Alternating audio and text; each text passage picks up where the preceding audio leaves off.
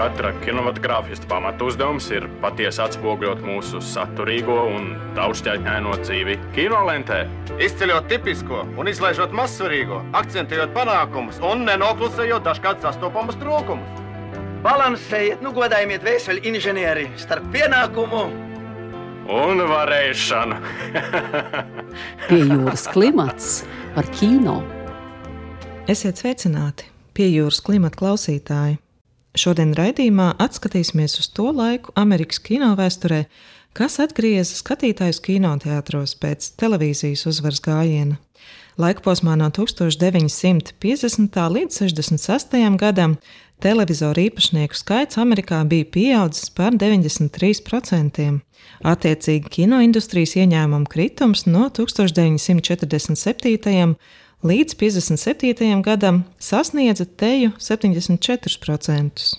Jaunā Holivuda kino laikmets, kas aptver visai plašu laika posmu no pagājušā gadsimta 60. gadu vidus līdz pat 80. gadu sākumam, vienlaikus aizsāka kases grāvēja tradīciju ar tādām filmām kā Žokļi un Zvaigžņu kari, kā arī ietvēra nelielas, neatkarīgo studiju producētas drāmas, uzrunājošas jauniešu auditoriju, izslāpuši pēc neizskaistinātiem, atpazīstamiem stāstiem un varoņiem, ar kuriem viņi spētu identificēties.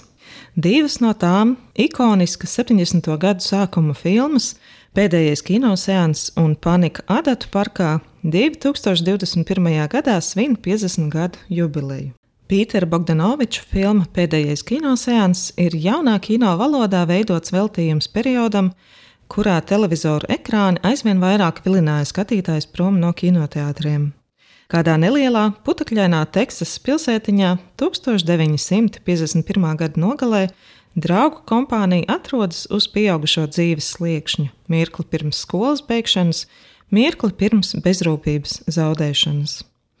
Savukārt Džerija Šatsberga panika Adatu parkā ir viens no smeldzīgākajiem narkomānijas apēnotiem mīlestības stāstiem kino. Necilā Ņujorkas skverā, dēvētā arī par adatu parku, satiekas tie, kam diena no dienas paiet cerot uz kārtējo devu.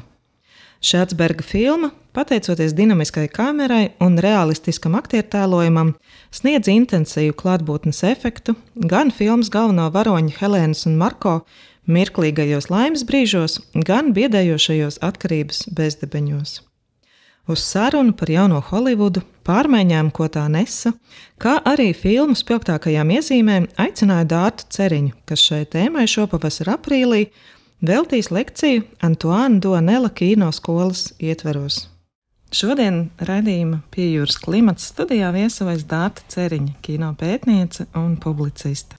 Sveika, Dārta! Labrīt, Sonāri! Kāda nozīme bija jaunās Holivudas filmām tā brīža Amerikas kino ainā? Kādu tradīciju, kādas konvencijas tas neturpināja un kādas varbūt iedibināja?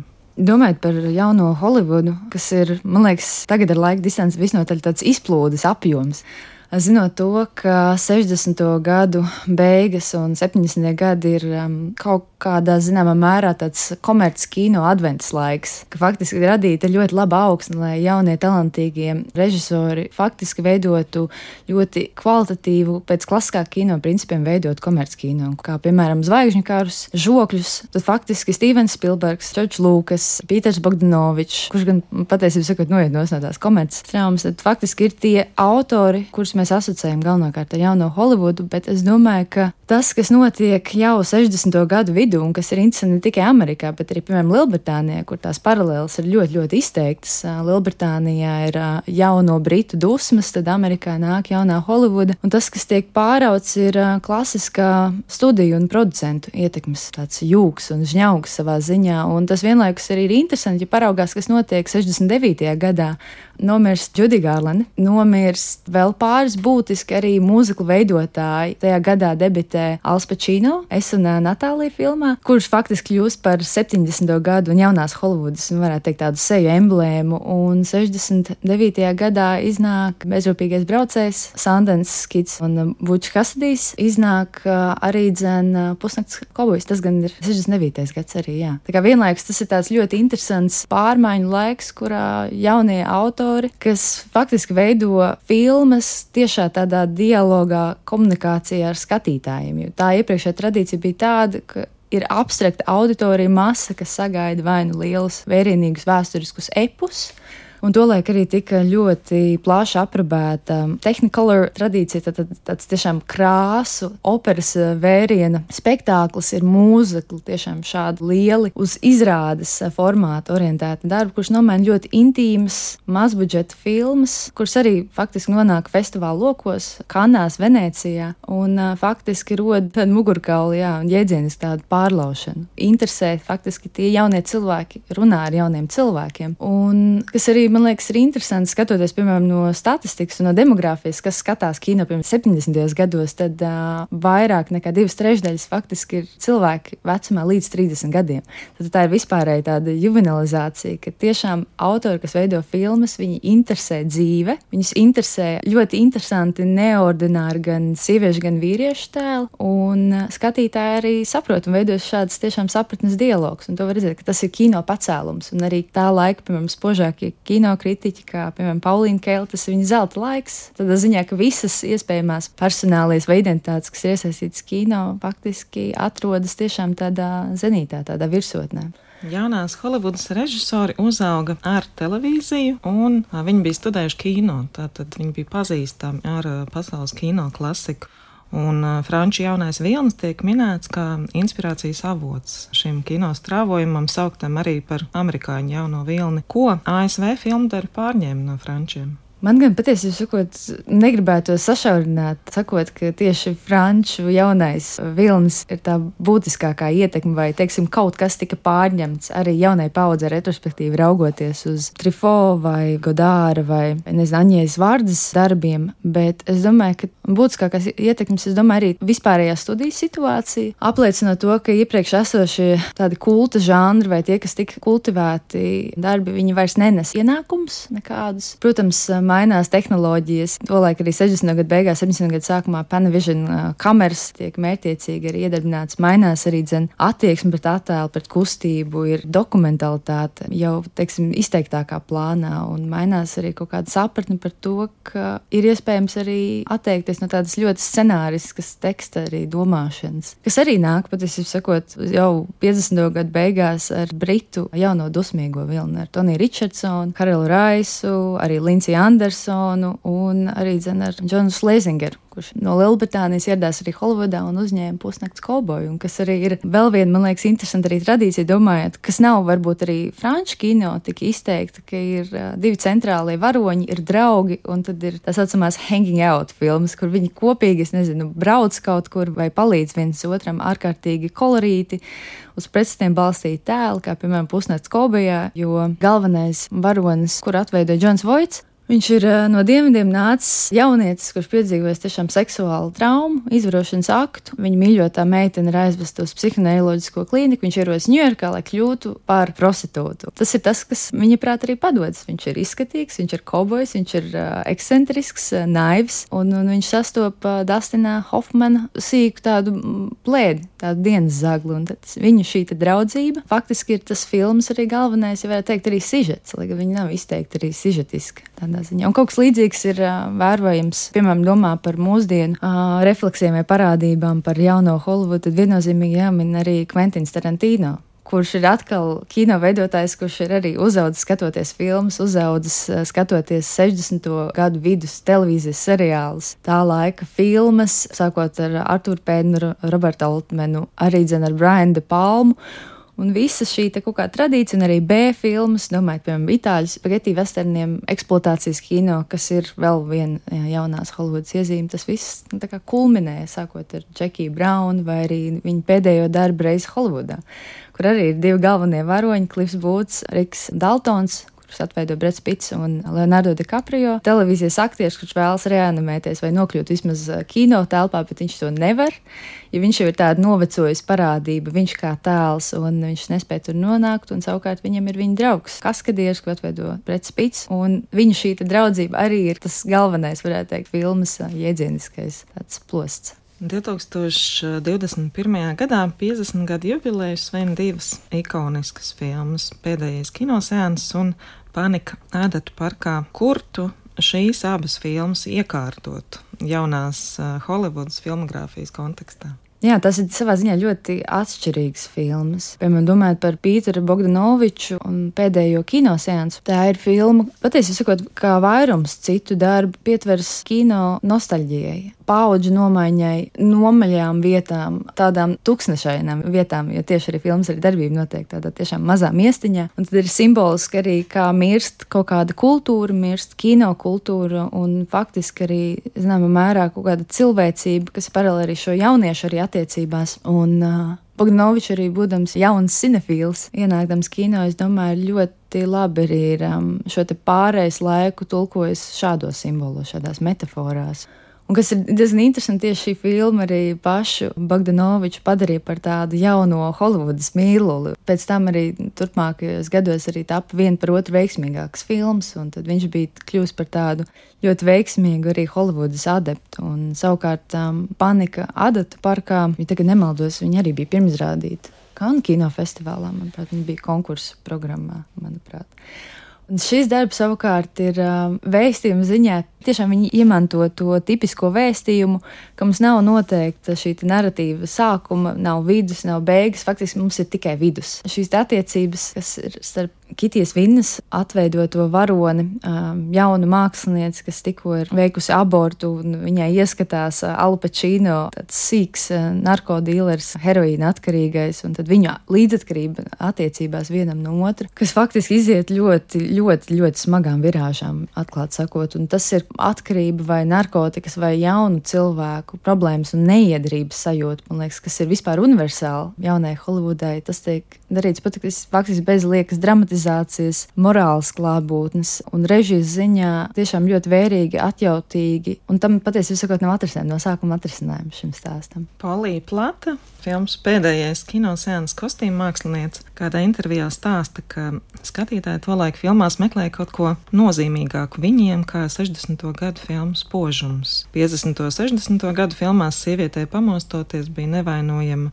frizūra un grims, un šo filmu stāstiem bija grūti noticēt. Un panika adatu parkā savukārt piedāvāja kardināli citu filmas realitāti. Narkomānu skvērā nolaistos mitekļos, kā šo filmu to laiku uztvēra auditorija. Tolaik kopējā recepcija bija visnotaļ laba, un ko es arī gribētu arī piebilst, kas varbūt arī varētu kontekstualizēt filmas nozīmību un arī atzinību no profesionāļiem, jo tieši Francis Fords Kopola ieraugot uh, Alu Pačīnu arī noskatīja arī krustāvam, lai viņš arī atveidotu savu emblemātisko lomu. Un arī, piemēram, Kitijas vīrs varonis aktiedarbs ir daudzkārt arī minēts neskaitāmos pārskatos kā viens no ievērojamākiem, labākiem arī vispār sieviešu tēliem, kā tādiem ļoti daudzslāņaina, vienlaikus arī no vīrieša savā ziņā viņa rīcības atkarīga varone, kas faktiski jā, ir nonākusi tādā aburtajā cilpā. Viņa visu laiku ir viss atkarību. Tāds posms ir tas, ka jebkas atkarība ir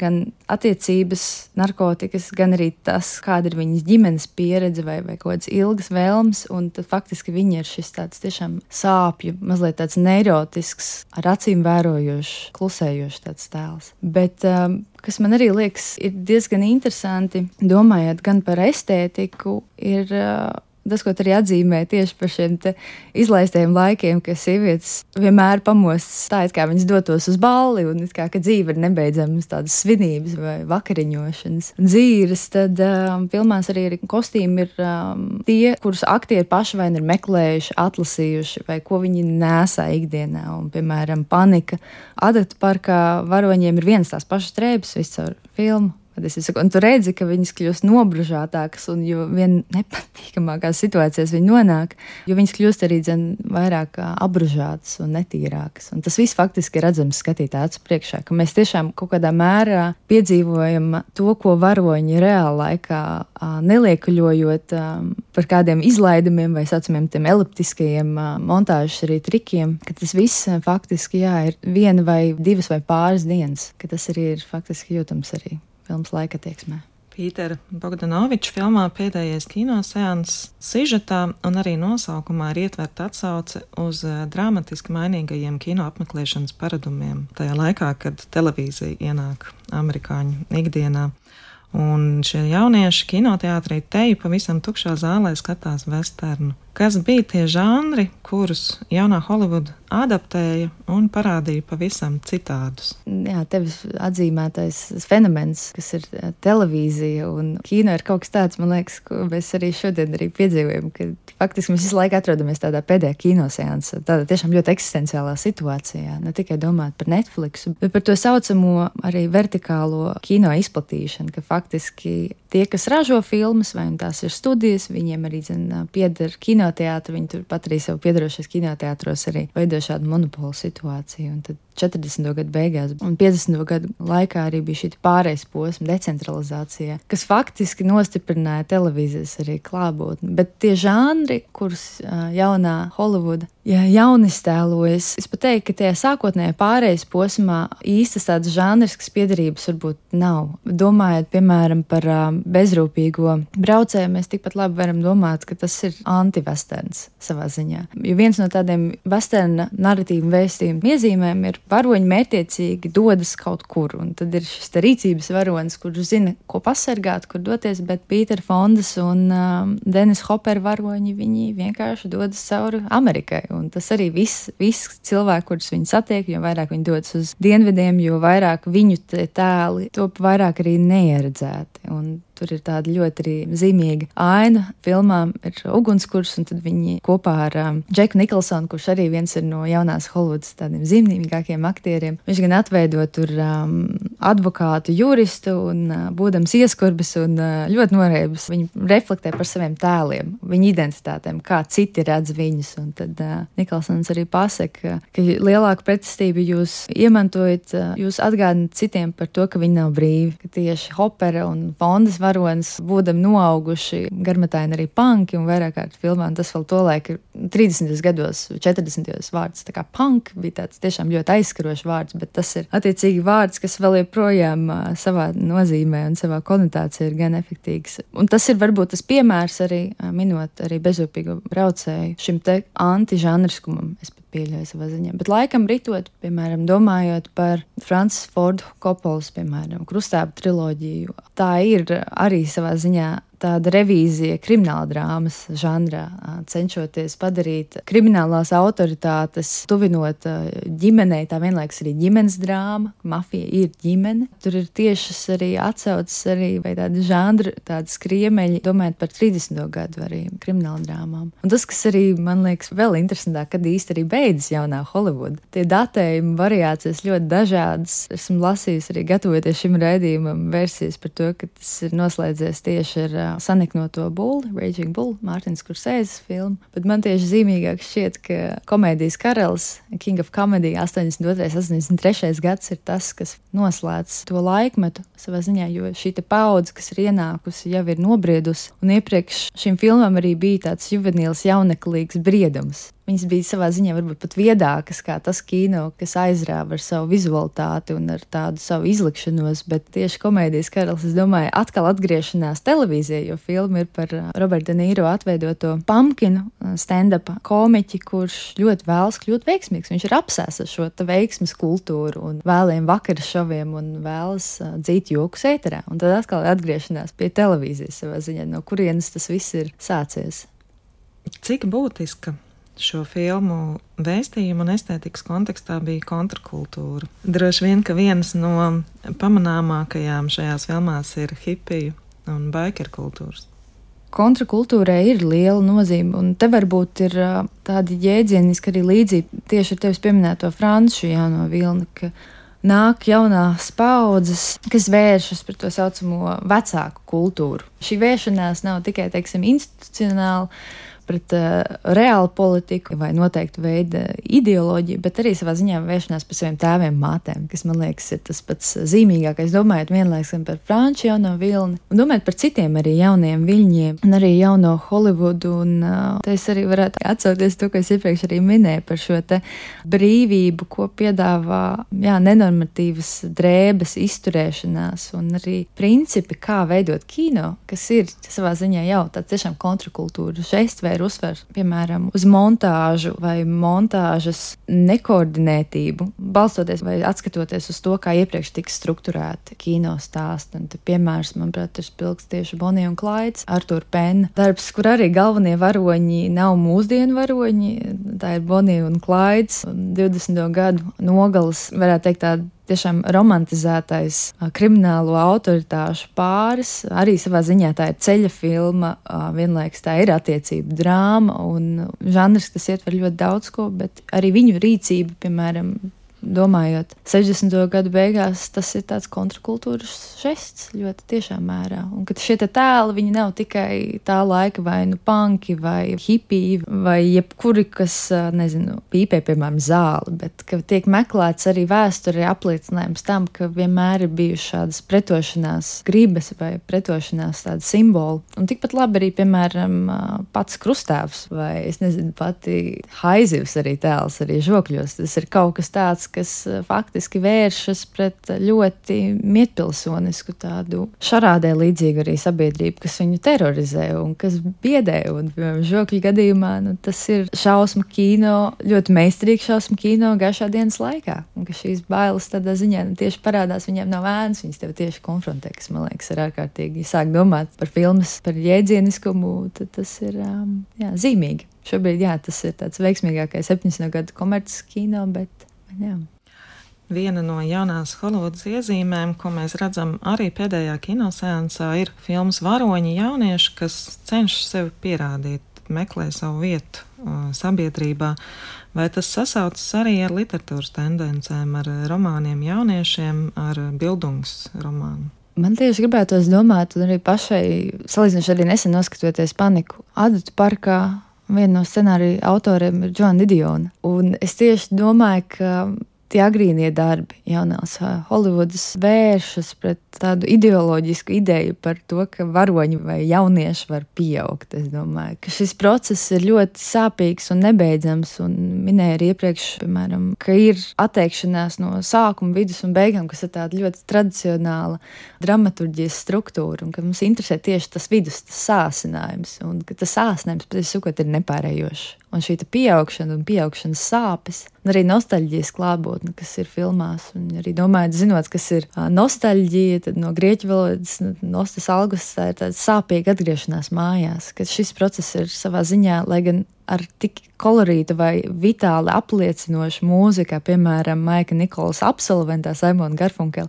ka faktiski tas ir tik neciešami jaunam koledžas studentam, kur atveido Dustins Hofmans, šī dēka ar vecāku sievieti, un savā ziņā viņš tiek spiests pieaugt. Un viņš mīl gal galā vai izjūt tādu siltumu pret viņas meitu. Bet tas ir, ja tā padomā, noņemot no kādas atsevišķas slāņas, tas ir ļoti smagi, ka tev forsē, tev spiež pieaugt. Un es domāju, tā ir savā ziņā šī vēršanās arī pret uh, Bildungas romānu, šo izaugsmas drāmu, kas faktiski ir pēdējos gados 20, nu, īpaši galvenokārt amerikāņu neatkarīgajā kino un arī tagad Eiropas festivāla kino viens no tādiem ejošākiem stāstiem, tādiem mehānismiem, ka ir iespējama pieaugšana, izglābšanās un atrisinājums risinājums. Un Jānā Holivuds saka, ka tā kā īsti nē. Un ja mēs uzliekam tiešām ļoti, ļoti gaišu attēlu vai darbību notiek dienas laikā, un um, arī domājot, piemēram, par pusnakts koboju un dziesmu Everybody's Talking, kas izskan visur filmē, kas ir tiešām dzīve apliecinoši, ka seja tā kā soļoja tālāk, bet faktiski tam, kam iziet cauri galvenais varonis, ir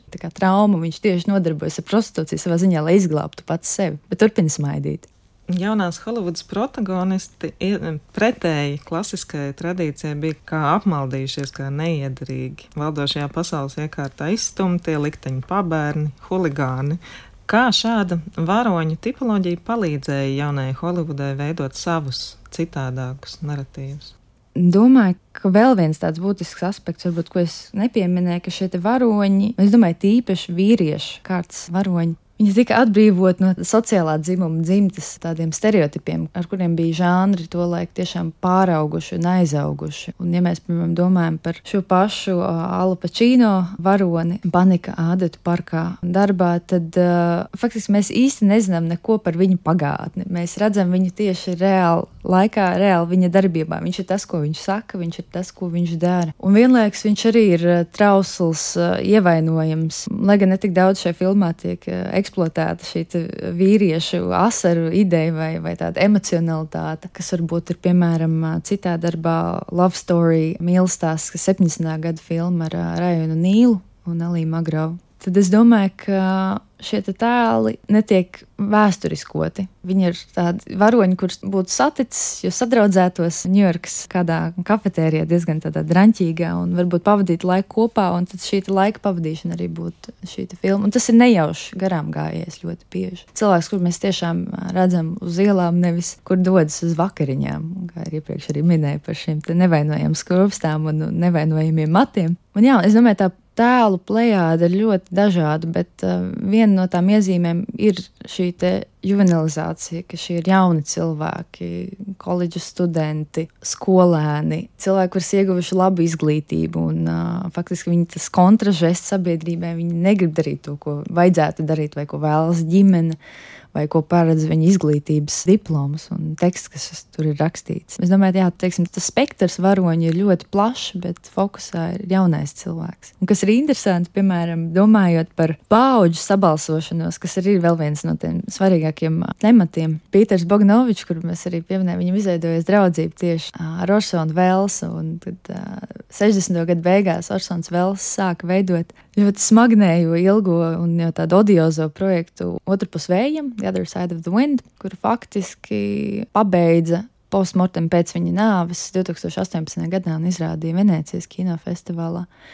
Bet tas, kas šajā filmā ir ļoti interesanti, vērtījot tā laika Holivudas vispār kino industriju, ka tev ir vecāks uh, režisors un tad uh, filmā viņa atveido uh, Džeks Hjūstons, un tad ir šis jaunais kritiķis, kur atveido tieši Pīters Bagdanovičs faktiski šīs jaunās paudzes savā ziņā, to arī filma arī uzrāda. Viņas nesaprot, bet viņas parazitē faktiski vienu uz otru. Tādā ziņā, ka vecajiem ir iespēja atgādināt, ka veids, kā viņi veido kino, vai, vai veids, kad viņi bija jauni, ir šis pareizais dzīve apliecinošais. Un tad jaunajiem autoriem ir, ir autoritāte, pret kuru vērsties, un ka faktiski ir šīs simbiotiskās attiecības ļoti tiešā mērā. Un tad Orsons arī, lai gan viņam ar Pīteru Bagnoviču gājis ļoti daži, dažādi un sāpīgi, viņi bija viennozīmīgi ļoti tuvi draugi. Un tā ir tāda vēl viena interesanta iezīme, domājot, piemēram, par uh, Frančiska Trufo un Hitchcocka draudzību. Ir jaunā, tāda vecā paudze, ir eksperimentālāks kino veidotājs, nu, salīdzinot ar iepriekšējo tradīciju, vai Hitchcocks, kurš jau faktiski ir veidojis savus kodus, vai domājot par Godāru un uh, Frici Langu, ka ir šādi arī pāri paudžu nomaiņās, un kas arī veido tādu uh, vecāku un bērnu arī attiecības, kas ir ļoti, man liekas, arī interesanti, fascinējoši. Un kā šobrīd, manuprāt, īsti nav. Es personīgi nevaru iedomāties, piemēram, Latvijas kino kontekstā šādus pāris, kur ir tādas sabalsošanās, varbūt skolās pedagoģiski, piemēram, filmu skolās, kur būtu interese apspēlēt uh, konkrētu režisoru, kurš ir darbojies pirms gadiem 50, 60, un kur veidotos tā tiešām radoša draudzība un partnerība. Grūti iztēloties, jā. Bet gribētu, lai būtu vairāk. Vai jaunās Holivudas kontekstā mēs varam runāt ne tikai par protestu pret eh, vispār pieņemtajām Holivudas kino konvencijām, bet arī pret sociālo politisko situāciju valstī? Es domāju, noteikti. Es domāju, noteikti jaunās Holivudas filmas, es domāju, ka jebkura filma ir ideoloģiska un uh, pat arī apgalvojums, ka nav piederības konkrētai ideoloģijai. Šī filma satur kaut kādas noteiktas idejas, un um, līdz ar to viņi ir viegli pakļaujami vai salāgojami. Um, bezrūpīgais braucējs, es domāju, daudzos līmeņos ir uh, vistiešāk politiski uzlādētā filma, un arī Bonija un Klaids vismaz tā laika arī situācija. Domājot arī par uh, tobrīd aktuālo hipiju kultūru, vispārēju arī uh, studentu līdziesaisti politiskajos protestos, vai tās ir um, miermīlīgas demonstrācijas, protesti, kas arī nereti arī pārauga vardarbīgākās protesta izaugsmēs, kas ir interesanti, par to reflektē Ārona Sorkina Čikāgas septītnieka tiesasprāvas filma, kas ir Netflixā skatāms šobrīd, kas skatīja jau faktiski no tādas procesuālās tiesu drāmas aspekta šī laika posma tiešām politisko nokaitētību un šo sadursmi jau arī vienā telpā tiesas zālē, kur tiesneši ir gados vecāks figūras, kas portretē vai, vai simbolizē tavus vecākus, un tie, kas ir nosodītie vai apsodāmi, ir bērni, un ka viņas tiesā vecākās paudzes. Un es domāju, ka jaunā Hulda vēlējās atbrīvoties no šīs tiesāšanas, vēlējās, es domāju, atkal kaut kā komunicēt vai sazināties ar skatītāju un, un reflektēt par savu paudzi, man liekas. Tas bija tas, kas, piemēram, 50. un 60. gadu Holivudā bija pazudis tieša interese par saviem skatītājiem. Un līdz ar to tas likumsakrīgi, ka ir šis gan statistiskais pacēlums, gan tiešām ārkārtīgi auglīga dekāde, kas seko pēc tam. Tiek parādīts, jā, kāds raksturs, pretošanās, nenormativitāte. Viss, viss, ko piedēvē arī jaunajiem viļņiem kopumā un, un atsacīšanās no tradīcijām, protams. Jā. Vēl viens žanrs, kam nepietvērus arī domājot par politikas eh, kritiku un reāla darbības ir uh, Francis Forda Kopolas mūsdienu apakalipse, kas arī ir vēl viens darbs, ar kuru datē jaunās Holivudas beigas. Jo pretēji tā laika tādai glorifikācijai, uh, Vietnamas kara sakarā, šis bija darbs, kas tiešām, lai gan izmantojot um, tumsas sirds visai plāno šo te, uh, romānu, vai varētu teikt, garo noveli, iztēlojās šo traumatisko kara veterānu vai varoni, kur atveido arī Mārtiņš Šīns. Bet tas ir kaut kas, kas faktiski tieši ar kino palīdzību mazliet novēlot, ļauj reflektēt arī par uh, reālo situāciju, par šo neapmierinātību, par to, ka tev nav izvēle, vai tu vari karot vai nē, bet tevi draftē, tevi iesauc, tevi rekrutē. Nu, lūk, un pateicoties tieši jaunajai Holivudai, um, domājot par kara drāmām vai kara filmām, um, nesaucot tikai, piemēram, Stanlija Kubrika darbus, Full Metal Jacket vai Platonu, kas ir Olivera Stone darbs, tad, uh, piemēram, pašai personīgi atklāsme bija uh, Jēkab kāpnes, Jacobs Ladder, Tīma Robins, bet tā jau ir 90. gada filma, bet es domāju, arī apliecinājums Francis Ford Kopulas mūsdienu apklipsē, ka Vietnamas karš vai karš tādā universālā nozīmē ir tik traumatisks, ka šī pieredze, kas galveno varoni Tim Robins atveidoto jēkabu tiranizē, neatstāja. Un tas, cik tas ir meistarīgi, es domāju, no narratīva aspekta arī realizēts šīs halucinācijas vai atgriešanās realitātē, ka šīs visas dimensijas ir um, savienotas. Un, un, lai gan faktiski, jā, šī ir filma par šausmām par to, ka ir kaut kāda pieredze, kurai nevar tikt pāri. Un, uh, tas ir kaut kas pilnīgi pretējs, kā piemēram tika traktētas 60. gados kara filmas. Vēl patiesībā domājot par to pašu Kubrika Spartaku, kas ir šī tiešām majestātiska ideja cīņa un ka karš ir nepieciešams, ka faktiski ka tu nespēji dzīvot. Tā ir pieredze, kurai tu nespēji tikt pāri. Un, uh, tas ir vēl kaut kas ļoti būtisks, ko arī jaunās Holivudas autori arī iezīmē. Tas ir interesanti, 70. gados arī parādās jā, šausmu kino arī iezīmes, minot arī, piemēram, Viljamu Frīdkinu, sātana izdzinēju, minot arī, protams, franču sakarnieku, kas gan vairāk arī ir šāda krimināla drāma ar, man liekas, ar vienkārši satriecoši režisētām ainām un montāžas pakaļdzīšanās ainām, vienkārši satriecoši arī darbi. Tālāk. Noslēdzot sarunu, es gribēju uzvaicāt, kāds ir tavs uh, filmu tops, ko tu ieteiktu klausītājiem kā atslēdziņu uz jaunās Holivudas kino. Es domāju, ka te būtu jājūt arī pašiem klausītājiem, kas būtu viņu izejas punkts, vai viņi vēlas pietvērties agrīnajiem darbiem, es tiešām noteikti ieteiktu noskatīties. Ir uh, Maika Nikolas absolvents ar uh, Dustinu Hofmanu, lai saprastu, cik nozīmīga ir mūzika, dziesmu izvēle. Īpaši arī domājot par Simonu Garfunkela dziesmu plējādi, kas arī savā ziņā kalpo kā tāds jukebox princips, mūzikas kaste,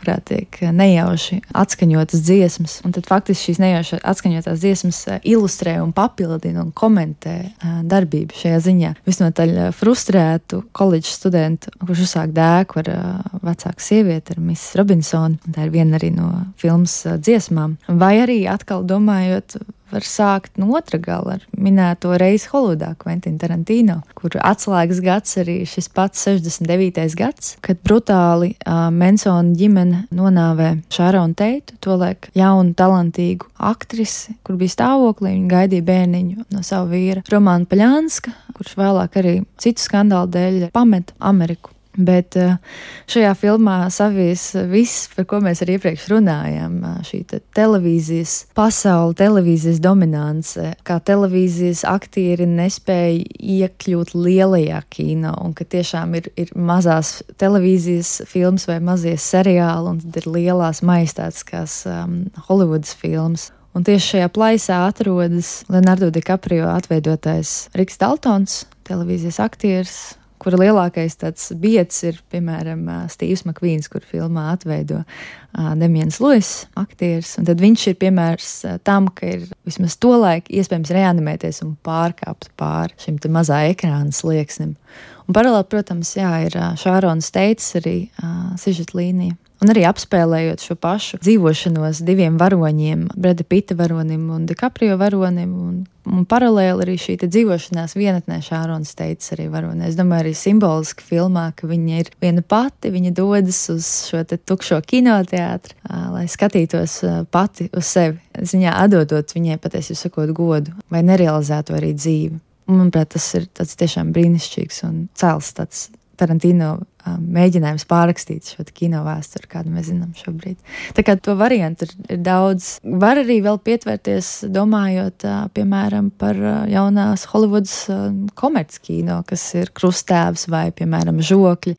Varbūt kādam ir um, fascinācija attiecībā uz zvaigžņu karu mitoloģiju, bet es domāju, tiešām ir svarīgi pietvērties tām agrīnajām filmām, lai saprastu šo māksliniecisko klimatu ieteikt arī noskatīties filmas, par kurām tu man izvaicāji par pēdējo kinoseansu. Pīteru Bogdanoviču darbu, Paniku Adatu parkā un, protams, arī Roberts Altmans, kam mēs mazāk pietvērāmies, bet filma Mešs Lazarete, kas, es domāju, vietējiem klausītājiem, skatītājiem ir zinām arī kā televīzijas seriāls. Jo šis te 70. gadu sākumā tapšais darbs arī ir, um, ir satīra par kara mediķiem, kas spēlē golfu, jauc kokteilīšus un uh, salēž ar māsiņām. Manuprāt, tiešām brīnišķīga satīra, kas arī vēlāk pārauga televīzijas seriālā. Un, uh, faktiski parādīja to, cik kino tolaik bija precīzā sazobē ar savu laiku un ar cilvēkiem. Un kaut kā spēja uztvert uh, vispārējo noskaņojumu. Paldies par sarunu! Studijā viesojās Dārta Ceriņa. Pie jūras klimata vadīja Sonora Broka un Monteja Judīta Bērziņa. Raidījums tapis ar valsts kultūra kapitāla fonda atbalstu.